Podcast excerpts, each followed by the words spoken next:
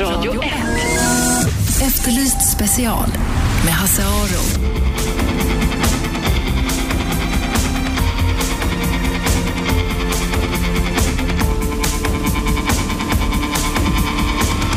Hej, välkomna hit Radio 1. eh, Efterlyst special. Jag har en gäst, nämligen journalisten, författaren och nu också taxichauffören Bernt Hermele. Välkommen hit. Tack så mycket. Förra gången du var här så var ni flera författare och vi pratade om konsten att skriva och hur fan man får ur sig en bok egentligen. Något som jag har försökt med i 20 år men inte lyckats. Eh, Skaffar ett förskott. ja, ja, faktiskt, jag, jag blev erbjuden förskott faktiskt av ett förlag. Välte inte. Nej, men jag visste det att det här kommer ju, det kan ju sluta i förskräckelse, så jag tackade nej. Men däremot tog vi bilderna på det hela omslaget. Vi började där. Mm. Det, är, Och- det är det viktigaste. och Förskottet och bilderna är det Ja, viktigaste. sen blev det ingenting.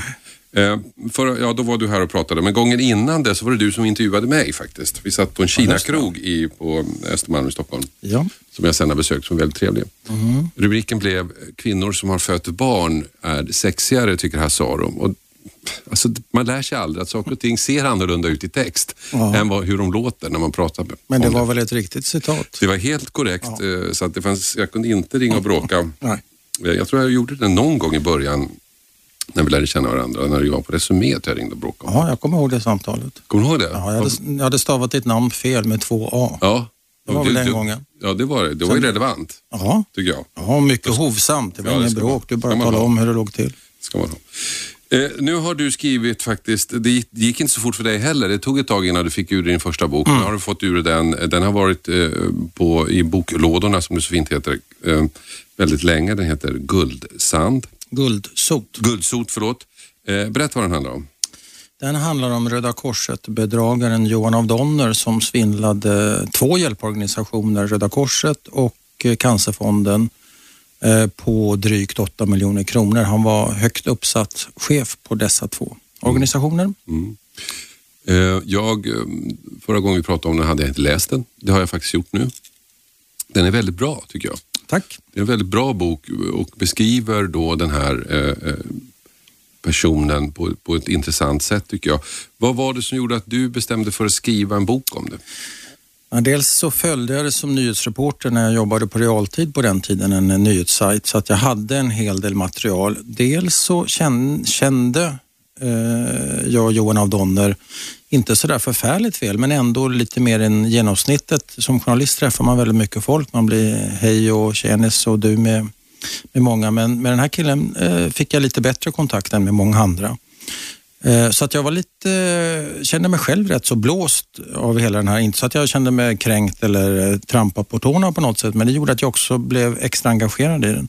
Sen märkte jag också att läsarna var extremt eh, upprörda och kom med mycket tips och sådär, så att det var, det var en kombo. Och så var det förskottet då. Ja, så var det förskottet. Men du, vad är det som gjorde att jag förstår att du kan känna dig blåst därför att han inte riktigt var den som han utgav sig för att vara. Men varför blev folk så, så upprörda tror du?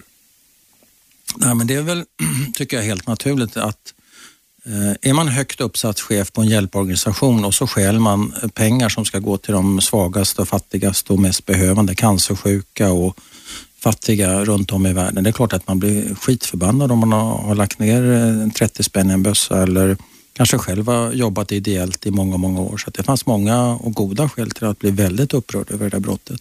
Det, det är alltid fult att stjäla men eh, det här var ett, eh, ett att vara chef för en, eller han var inte högsta chef men han var en av, en av de högre, att vara hög chef på en hjälporganisation och eh, eh, stjäla pengar, det är, det är rätt så lågt.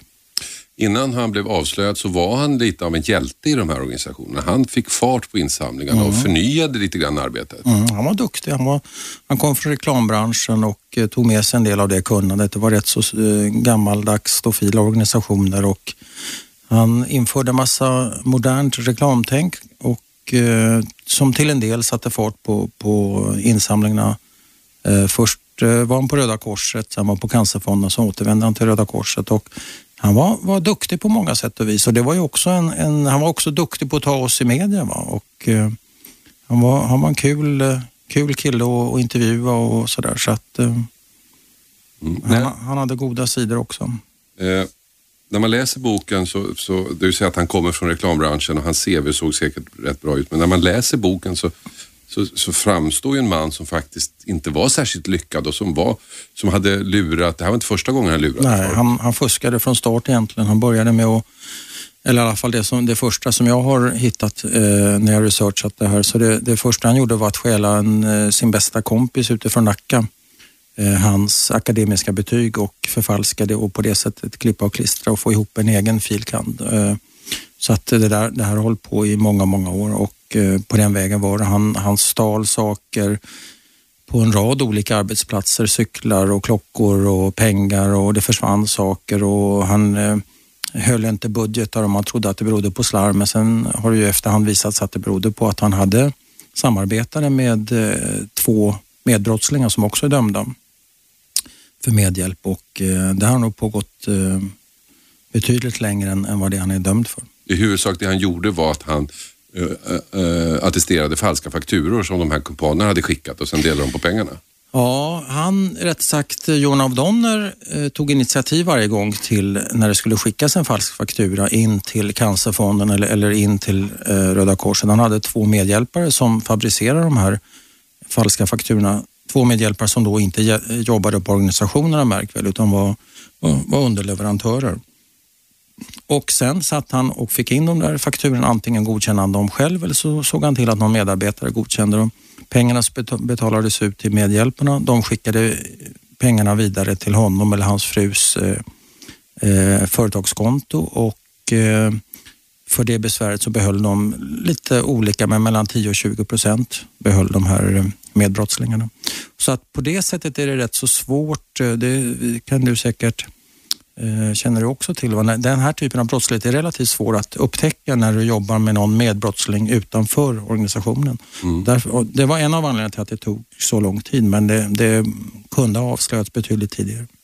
Eh, han blev, höll ju på att bli avslöjad på tidigare jobb, mm. men klarade sig.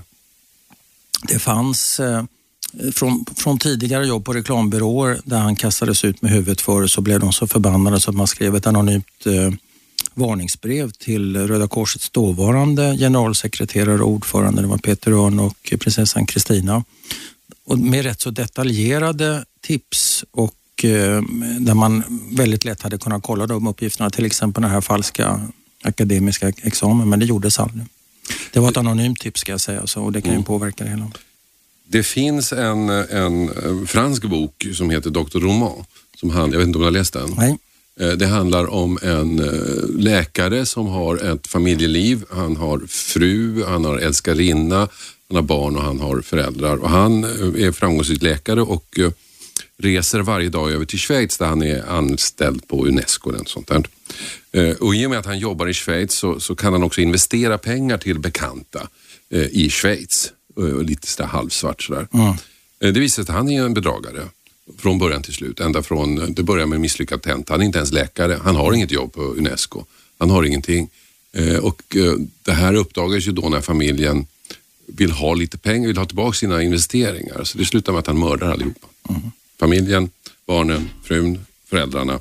Och jag tänker lite på, på honom, Dr. Roman, jag läser om, av Donner. Det att det, de har ju den likheten om man bortser från det våldsamma slutet här, så har ju den likheten att hela deras liv bygger på någon slags lögn. Någon slags, ja. bygger upp en bild av sig själv som de så att säga försöker fylla. Absolut, och, och jag har varit rätt så noga med att eh, för, för läsarna och för mig själv också att påminna, påminna oss alla att att det kan finnas en liten Johan av Donner i alla av oss. Va? Jag menar, en livslögn är inget speciellt unikt för den här personen utan alla vi vill putsa upp eh, vårt CV eller framstå som lite smartare, lite mer framgångsrika eller lite rikare eller vad vi nu eh, vill göra. Så att på det sättet är han inte alls ovanlig. Det som är ovanligt är att han är beredd att, att vara kriminell för att få ihop den här lite uppputsade fasaden. Och det är det som gör honom ovanlig. Va? Annars att att man vill göra sig lite finare än vad man är. Det tycker jag är rätt så mänsklig eh, egenskap som, som jag liksom kan eh, sympatisera med till och med. Han själv säger vad jag förstår och jag har hört andra säga det. Ja, men de pengarna han stal skulle inte ha funnits om det inte vore för honom. Han, poängen är att han ökade insamlingen så mycket för, för de här organisationerna och så mm. tog han en del av mm. de pengar som annars inte skulle ha funnits. Mm. om han nu tog 20 procent så fick i alla fall organisationen 80 procent av, av pengar de inte skulle ha fått. Ja, han tog ju mycket mindre dessutom. För Han ökade eh, på Cancerfonden så ökades insamlingsresultatet, jag minns inte exakt, men säg från 150 till 300 miljoner kronor på, på tio år. Så att, eh, visst. Men vad var din... Vad, Ja, är- vad, vad är frågan? Nej, frågan är inte mer än, för jag är oerhört fascinerad av den här typen av bedragare. Ja, ja. Och jag kan tänka mig att det ligger i deras personlighet att försvara det de håller på med på det sättet. Att det, att det, är, att det är ett logiskt resonemang hos dem. Att, jag, ja, jag, tror, han- jag tror, alltså jag har inte eh, fördjupat mig speciellt mycket i Johan av Donners psyke. Därför det, alla som, som jag möter när jag föreläser om den här boken, de, första frågan är, eh, är han sjuk och i så fall på vilket sätt? Mm. Och andra frågan är, vad visste frun? Och om vi tar den första frågan först så, så är mitt standardsvar att eh, han har inte själv eh, hävdat att han är sjuk. Eh, ingen annan har hävdat att han är dömd till fem års fängelse. Och det räcker för mig. För mig är han en rätt så simpel småtjuv helt enkelt. Jag menar, 8 miljoner under tio år, det är rätt mycket pengar men det är inte så mycket pengar. Va? Så det, det är en kille som har levt på en livslögn. Han har velat framställa sig som rik och framgångsrik, framförallt inför sin familj och inte fått ihop det och då har, har han stulit, nallat lite grann kan man säga. För det kanske har varit 100 000 här, 100 000 där. Men ehm, Och vad visste frun? är frågan två. Eh, Så det var det, alltså så att säga, eh, jag, jag är mer intresserad av den skada han har åstadkommit än om han själv är skadad. Det tycker jag inte, har inte varit mitt uppdrag. Jag tycker det är rätt ointressant. Eh, samma sak där, va? det är många som eh, har bestämda uppfattningar om hon visste och inte visste. Frun alltså? Frun, Ja. tack. Och hon är Polisförhör två gånger, avförd ur ut- utredningen, inte misstänkt, än mindre åtalad. Och med det har jag också låtit mig nöja. Det finns ingen, ingenting i utredningen som säger att hon har eh, på något sätt vetat någonting om det här. Sen kan man fundera på hur mycket hon borde ha förstått och sådär, men det är ju en annan sak. Man har ju rätt att, som anhörig har man ju rätt att, att till exempel blunda med båda ögonen. Och rätt Jag tycker det är rätt intressant ändå psykologiskt om hon visste, men för de här pengarna har ju använts till att sätta guldkant på deras tillvaro. Han hade ju en hyfsad lön Ja, ändå. Så, att säga. så det här har liksom eh, betalat deras extravaganza och det kanske hon vill- ville inte veta. Nej. Och det är ju rätt, man har rätt att blunda. Va? Mm. Man har rätt, rätt att blunda med båda ögonen och dessutom göra det rätt hårt. Va? Så att, ehm, det, det, det, är en, det är en rätt simpel bedragare men det är också intressant vad han säger om oss och, och jag tycker det är intressant att vidga perspektivet och fundera lite grann på hur en sån här kille har kunnat bli så framgångsrik så, så länge och varför vi i media till exempel var med och byggde upp honom. Mm. Säger alltså Bernt Hermele här i Efterlyst special. Vi pratar om hans bok om Johanna Donner som alltså lurade Röda Korset och Rädda Barnen på miljonbelopp. Röda Korset och Cancerfonden. Cancerfonden, förlåt. Röda Korset och Cancerfonden på miljonbelopp. Detta är alltså Bernts första bok. Han håller just på att jobba med sin andra bok, Bernt som är journalist, författare. Han var en gång i tiden eh, chefredaktör för Veckans Affärer. Stämmer. Idag kör du taxi. Mm. Det här är en så kallad cliffhanger. Vi hörs efter reklamen. Radio 1. Efterlyst special med Hasse Aro.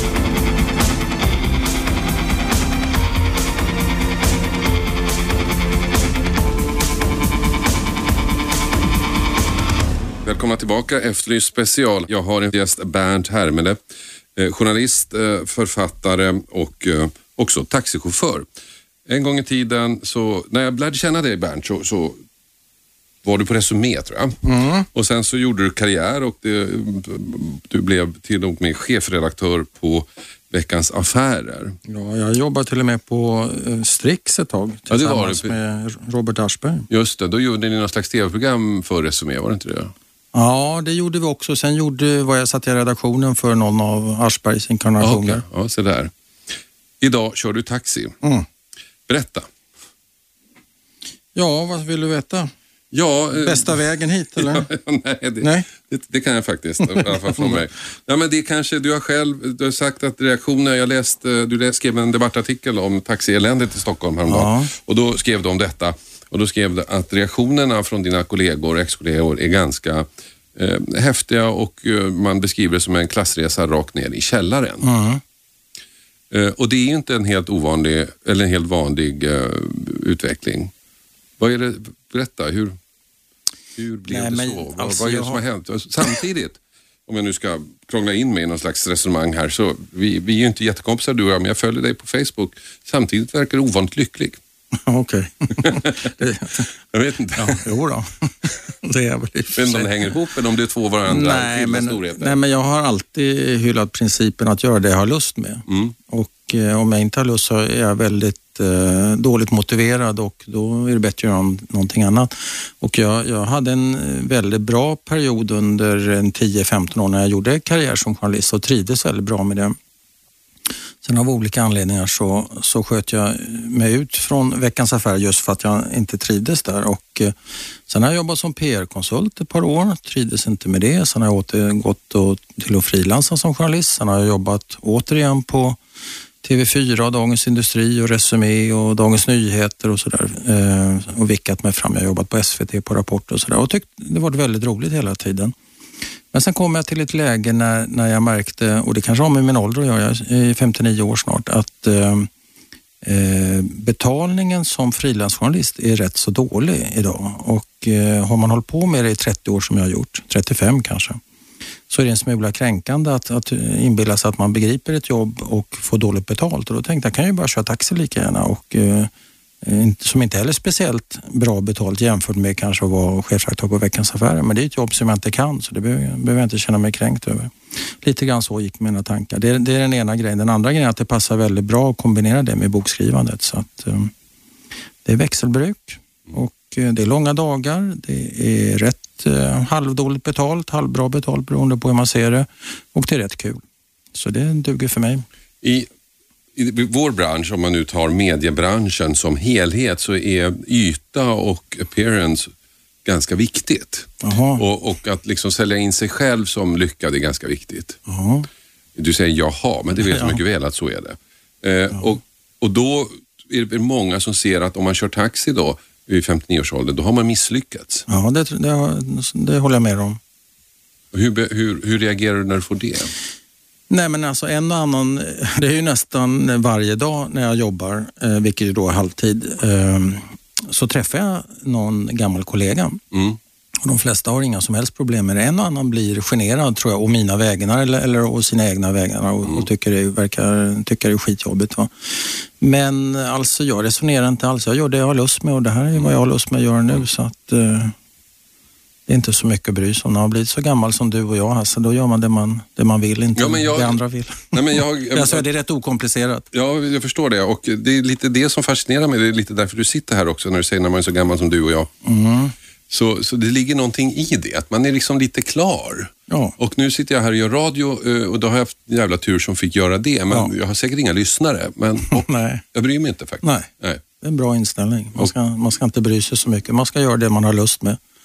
Och jag tycker det är kul att köra taxi. Jag, jag, jag snackar mycket, kanske inte riktigt lika mycket som du, men nästan. Och eh, efterhand som jag har blivit lite varm i kläderna så man ska inte mm, tvinga passagerarna att snacka och det gör jag inte heller. Men om jag märker att de är lite pratsugna så har vi det trevligt tillsammans och till stor del beroende på att jag håller igång snacket och sådär. Så att, eh, eh, jag har haft eh, till exempel en eh, väldigt känd eh, direktör för näringslivet som jag plockade upp på hans bostad i, ehm, på Strandvägen strax före jul och in kom en, både gammal och sliten och trött man som skulle på något styrelsemöte i eh, Danmark eller vad det var och inte alls hade lust med det. Och innan vi hade, var färdiga ute på Arlanda så hade vi haft ett eh, väldigt kul samtal. Och Han var ehm, betydligt bättre historieberättare än jag så att jag hade skrattat mycket, han hade skrattat mycket och sen dess har vi kontakt så att, eh, så kan det också gå.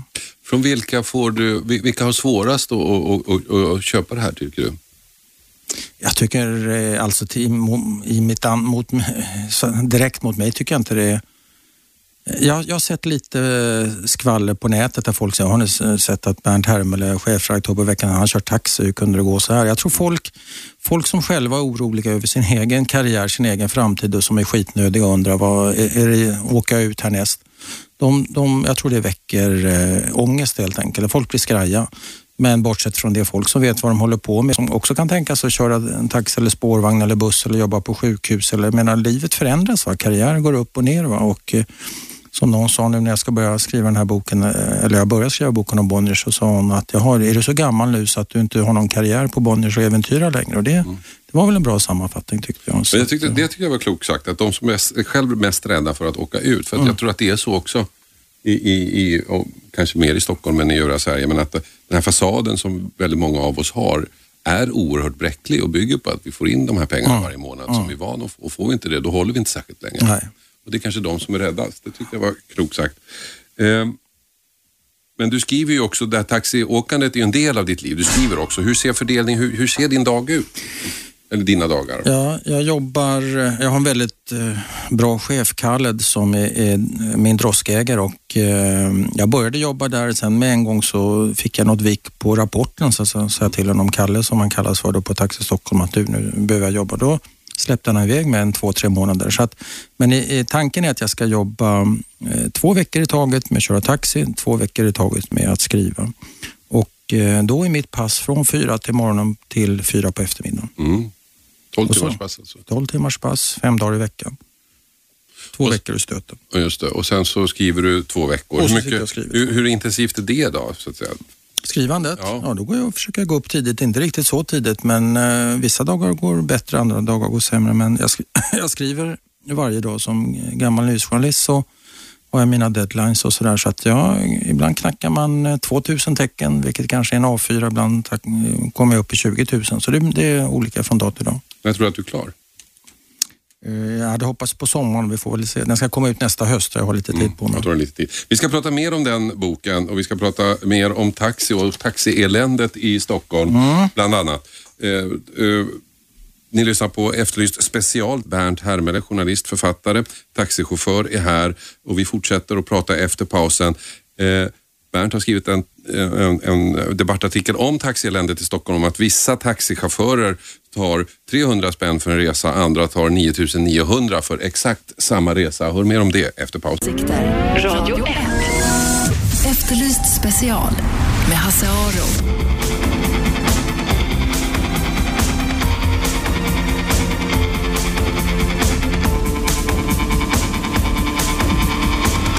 Välkomna tillbaka, Efterlyst special. Jag har Bernt Hermele här, eh, taxichaufför, eh, författare, journalist. Vi har pratat om hans första bok. Eh, vi har pratat om eh, det som han själv beskrev eh, som en klassresa rakt ner i källaren eller som han beskrev att andra hade beskrivit det som, nämligen att köra taxi och skriva böcker samtidigt.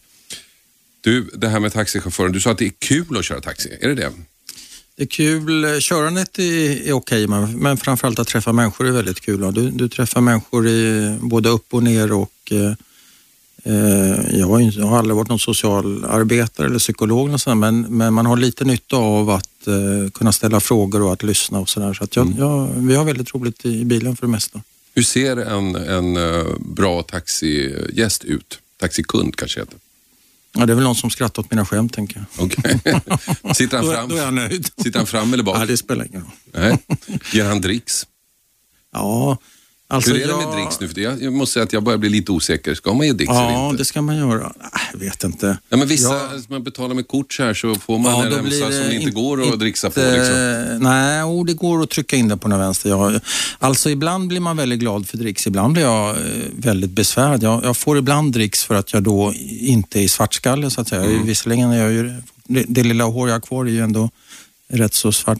Och då säger jag, åh vad trevligt då att få en eh, chaufför som hittar och pratar eh, svenska och sådär. Och så, nu ska du få 50 spänn extra. Det, det känner jag mig väldigt obekväm med. Ja.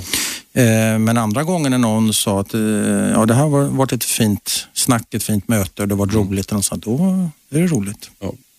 Eh, en taxichaufför som hittar, det är alltid trevligt. Det är alltid bra. Det, men det gör man på Taxi Stockholm där du eh, jobbar. Ja, det gör man inte på utan undantag.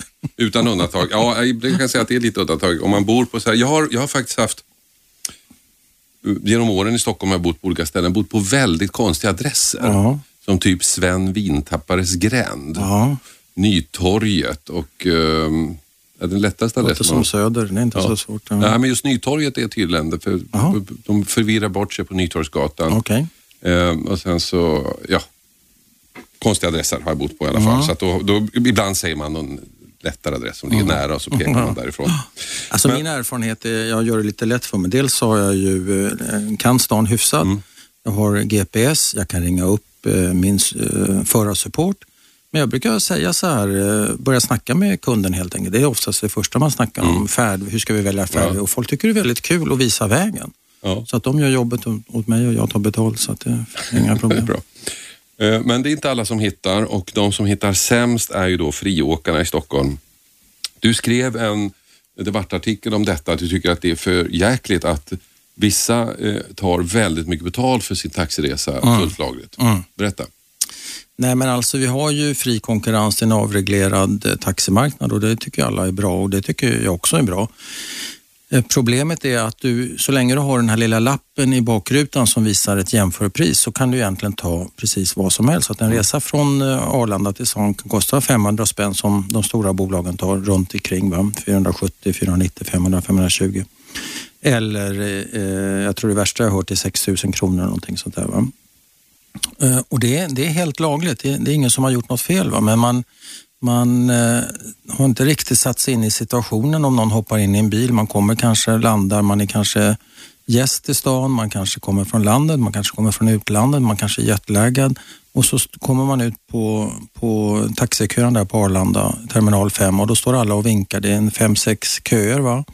Och alla står och vinkar och ropar. Att i det läget göra någon prisjämförelse, det är väldigt få som gör. Mhm. Och eh, det, det känns rätt eh, pinsamt att vi tar emot gäster på det sättet. Men om man vänder på det hela, för att det här är, ju- det här är ju en vanlig synpunkt då, som folk, folk säger, men vi har ju pri, fri prissättning i, i Sverige. Jag menar, man får ju ta för en flaska vatten 20 spänn eller 20 000 får man ta om man vill. Så Ja. kan jag ju välja om jag vill betala Men det den, den, absolut, och, och det ska vi ha också. Va? Men vissa köpsituationer lämpar sig bättre för den typen. Då kan du backa ut. Jag skulle köpa några freestyle-batterier, eller vad det heter det väl inte längre, men AA-batterier Ja. eller vad det kan heta hos min lokala kille och han tog eh, 50 spänn för fyra stycken och då var jag lite snål och tänkte jag gå upp på Lidl istället och då där fick jag åtta för 29 spänn. Alltså där finns en möjlighet att fundera, jag stod och vägde på det ska, och så vidare. Va? Men i, likadant om du står här utanför på Ringvägen hoppar in i en bil, va? Det, det är väldigt svårt att skilja bilarna åt och sådär. Så det är, ingen, det, är ingen, eh, det är inte den fria prissättningen jag vill åt va? utan det är själva köpsituationen om man nu ska kalla det så, där, där det är helt orealistiskt att att en och samma tjänst ska kunna variera så mycket i pris. Va? Man går in i ICA, går in i Lidl, går in i Hemtex, jag håller på att säga Hemköp, så är det ungefär samma pris. Men det skiljer lite hit och dit. Va? Men, men en, mjölk, eh, en liten mjölk kostar ungefär samma sak. Så att, eh. eh, Men man ska komma ihåg, och det tror jag alla har glömt, hur det såg ut innan taxi avreglerades.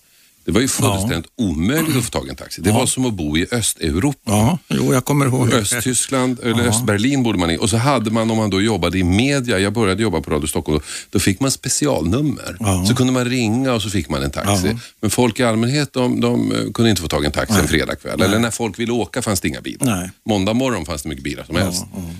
Och det här led- led- ledde ju till att det uppstod en marknad. Då tyckte jag, jag tyckte det var sunt. En svart marknad. Svart taxi. Jag tyckte det var sunt för svarta marknader uppstår ofta när, när den fria marknaden inte funkar. inte så- funkar, när den ja. vita marknaden inte funkar. Och, och det slipper vi idag. Ja, och det är väl bra. Eh, I och för sig en del av de här friåkarna kanske inte riktigt eh, är helt vita, va? men det är en, Nej, annan, det är en annan det är en annan- historia. det. Det, kan, men, ja, inte helt och hållet en annan historia, men delvis. Men jag menar att eh, det måste gå att kombinera fri konkurrens med vissa ramar där man säger att en taxiresa kan få variera si och så mycket, men det kan liksom inte vara helt fritt. Nej. Därför att jag som kund kan inte riktigt göra den bedömningen. Jag, jag har till och med haft kunder som har hoppat in i bilen som har berättat att de åkt med en friåkare, blev skitdyrt och sen gjorde han om samma misstag veckan därefter. Ja. Så då får du fan skylla dig själv om du är så jävla dum. Ja, det har du rätt i. Och sådär. Men jag menar, det, det är svårt. Alltså, även om man har bränt sig en gång så, så är det lätt att göra samma misstag. Och, Mm. Jag måste- då, då funkar det inte riktigt. Tycker jag. Jag måste erkänna att det här med, med det här pappret i fönstret, det, det fattade jag typ förra veckan Mm. hur det funkade. Och jag åker en del taxi eftersom andra pröjsar mina taxiresor. Mm.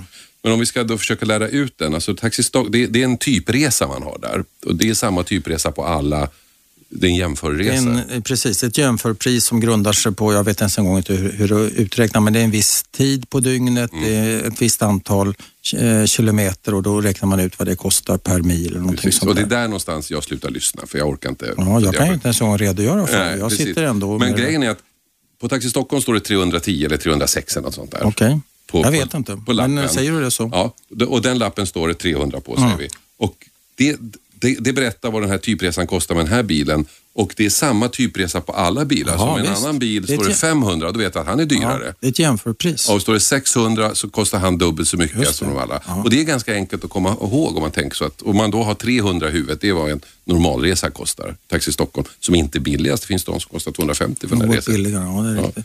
Nej, men det är lätt att komma ihåg, men i, i den situationen när, det- när det är brådis och det tutar och bilen stannar två sekunder och du ska hoppa in och Mm. du kanske är stressad, Precis, på då, Arlanda. då, på Arlanda eller, eller här ute på gatan. Va?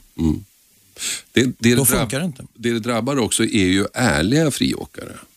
Ja, var nu ärliga. De är inte oärliga som tar... Nej, men som är liksom schyssta. då, femdubbel, ja. Ja, så schyssta. Så jag, Alltså jag, det är ett system som tillåter det här, så det, kan Ja. man, det handlar inte om, eh, de är, det är inte oärligt, utan det är ett system som är feltänkt. Från, Mm. Där man liksom säger att avreglering är det viktigaste, fri prissättning är, är viktigare än allting annat. Nej, det tycker jag är fel när det gäller, när det gäller vissa tjänster. Taxitjänsten är en sån tjänst som inte passar för helt fri för prissättning. jag har ju upptäckt när man står där i Arlanda och det inte står några Taxi Stockholm eller Kurirer eller 020. Mm.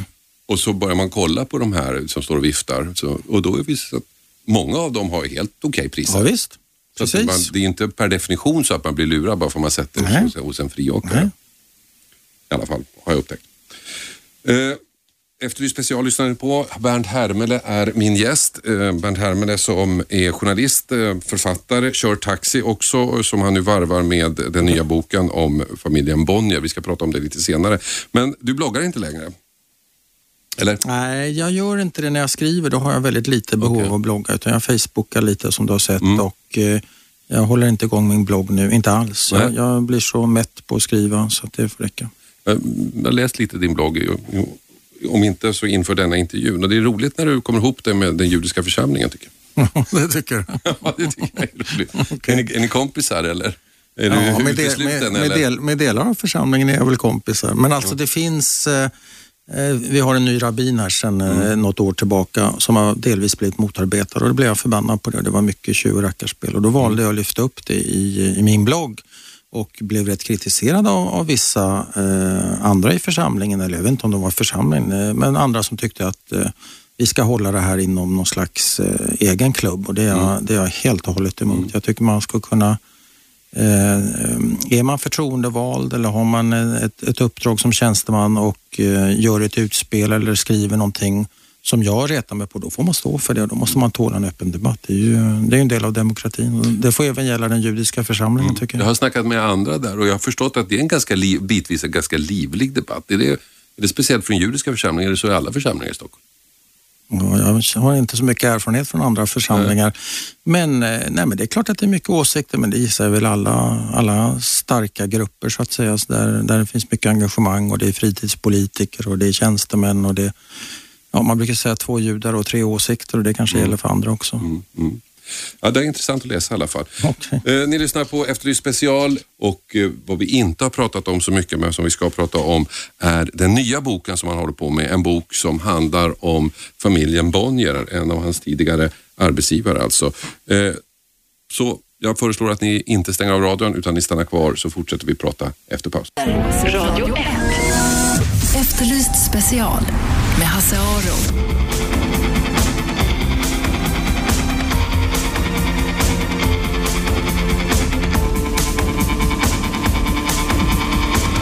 Välkomna tillbaka hit, Efterlyst special. Gäst är här Bernt Hermele.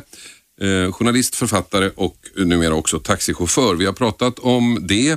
Vi har pratat om bok, hans första bok Guldsot heter den som handlar om eh, Johan av Donner som var eh, insamlingschef kan man säga på eh, Röda Korset och Cancerfonden och svindlade ungefär 8 miljoner kronor från dessa organisationer. Om detta har Bernt skrivit en bok Guldsot eh, och det är faktiskt en mycket, faktiskt säger jag så. Ja, det vad, vore bety- vad, be- oförvånande. vad betyder det här? Ja, alltså? Jo, faktum är att, vet du vad det betyder? Jag läser så mycket böcker och mer än hälften av dem är rätt dåliga. Jag bockar och bugar. En fjärdedel är så dåliga så jag slutar läsa för att jag är så gammal så jag tänker jag orkar inte hålla på liksom, och slösa tid på den här boken. Mm. Ja, det är Och rätt. Speciellt, jag läser, kanske en yrkesskada, jag läser mycket böcker om brott och eh, Mm. gärna verkliga brott eller eh, overkliga brott som är realistiskt skildrade. Och då, då, det är ofta, alltså just den här genren, eh, verkliga brott, är ganska outvecklad i Sverige och det man läser blir ofta väldigt så här det ska förklaras och det ska försvaras och det ska liksom, det är synd om dem och taskig barndom och allt det där. Och det kan jag tycka är lite tröttsamt och det, din, din bok var befriande från det samtidigt som det tyckte jag ändå på ett intressant sätt skildrade en, en, en intressant personlighet. Ja, det är viktigt för lyssnare, er lyssnare att förstå att Hasse säger det helt utan någon ersättning. Ja,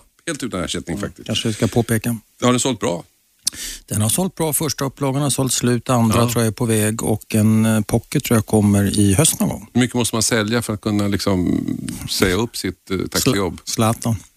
Så, det är så pass. Ah, Alltså, jag vet inte, men man blir inte rik på att skriva böcker om det inte är en eh, kioskvältare. GV säger precis tvärtom. Mm. Men han skriver kioskvältare. Han skriver kioskvältare, det gör han. Nu håller du på, det här var din första bok som du Ja. skrev. Nu håller du på med din andra bok som handlar om familjen Bonnier. Och du sa att du eh, av Donner lärde du känna och du, när, han, när det visade sig att han var en bedragare så kände du själv lite lurad av honom. Att du inte hade blivit blåst på pengar men ändå på något sätt lurats av hans personlighet. Vad är det som har drivit dig då för, när det gäller familjen Bonnier? Eh, samma sak som förra boken, Förskott. Det är alltid en bra start. Ja. Ehm, och Och sen, då går du upp till förlaget så har du tio del och den som de betalar förskott för. den här idén kom faktiskt från min förläggare Don Israel. Eh, som sa, oh, men du har ju jobbat på Bonniers i massa Mm. år. Så, ja, det har du rätt i. Och eh, så surrade vi lite om det och så bestämde vi oss för att det här gör vi. Och eh, ja, vad var frågan? Varför då? Varför, Varför ja, Bonnier? tack.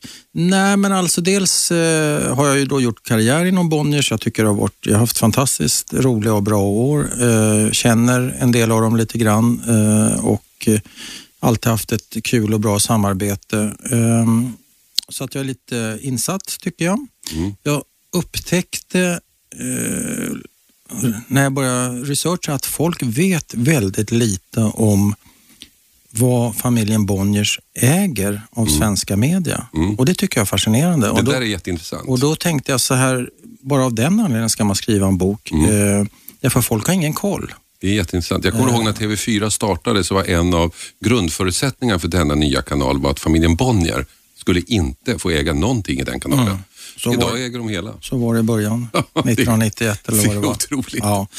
Eh, Så, så bara av den anledningen finns det en anledning att skriva en bok. Eh, Det finns dessutom väldigt få böcker skrivna om Bonniers som inte är auktoriserade inom citattecken som eh, är utgivna på andra förlag. Och, där Mm. finns, och det här är en av de få jag tror inte det har skrivits på 20 år någonting sånt där. Eh, någonting som inte är godkänt av familjen. Mm.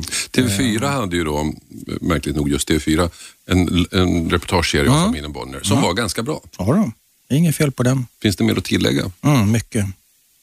Jag, om man ska skriva en, en intressant bok om någons öde så kan man ju inte skriva eh, en framgångssaga bara. Det började, han började med två tomma händer och var jätteschysst och sen dog han rik. Det är inte så kul att läsa utan det ska ju vara lite sand i skon också. Det ska vara lite skandaler och så. Är inte familjen Bonnier en ganska schysst familj som ändå genom åren har varit rätt så hedliga och trevliga? Jo, men det finns mycket historier. Det finns skalbolagsaffärer och det finns skatteaffärer och det finns utomäktenskapliga barn och det finns konflikter och det finns eh, inte minst politiska bråk mellan eh, Marita Ulvskog och eh, familjen som delvis är skildrat men där jag har, har hittat eh, ny information. Så det finns, finns mycket som inte är berättat. Och det finns mycket som är berättat som folk inte känner till. Men eh, det är klart att det, en historia som ska vara intressant för mig att läsa, den måste ha sälta precis som du säger.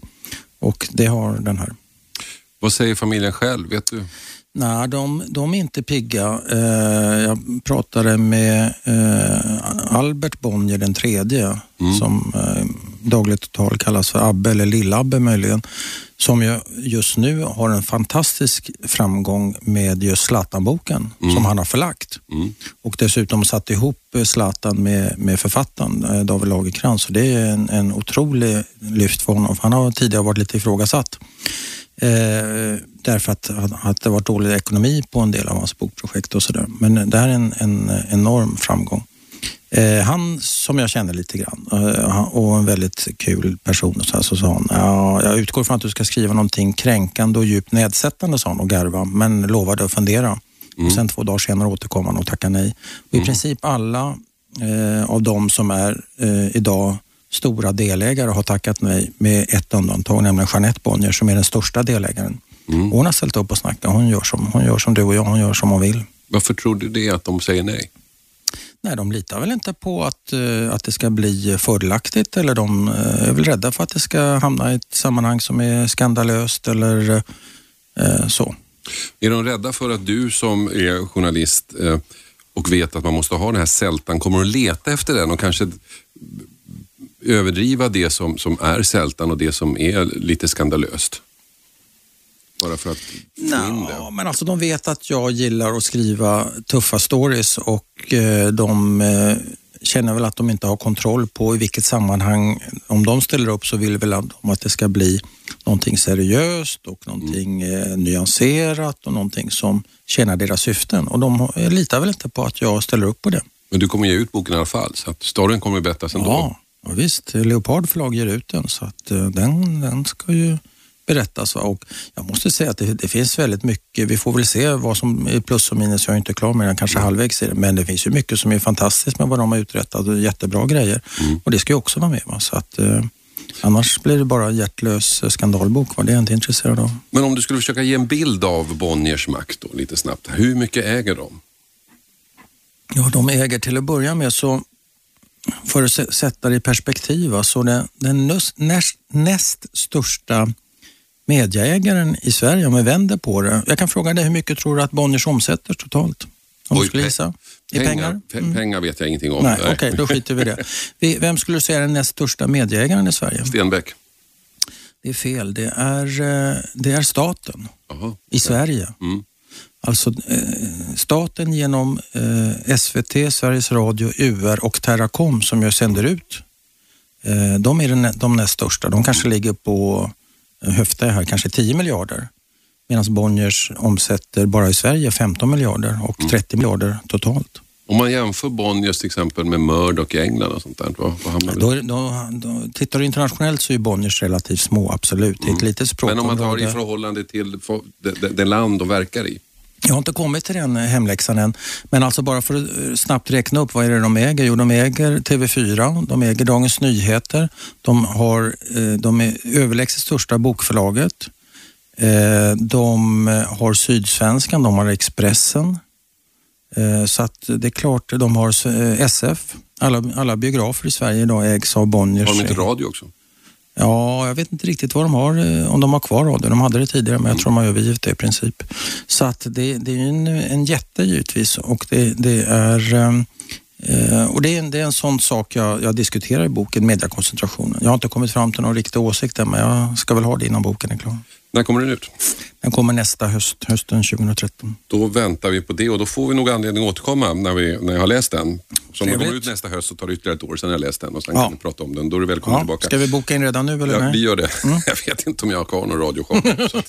det kanske blir på något annat sätt. Ja. Tack för att du kom hit Bernt. Tack för att jag fick komma. Trevligt. Vi hörs imorgon. Hej då. 101,9 Radio 1 Sveriges nya pratradio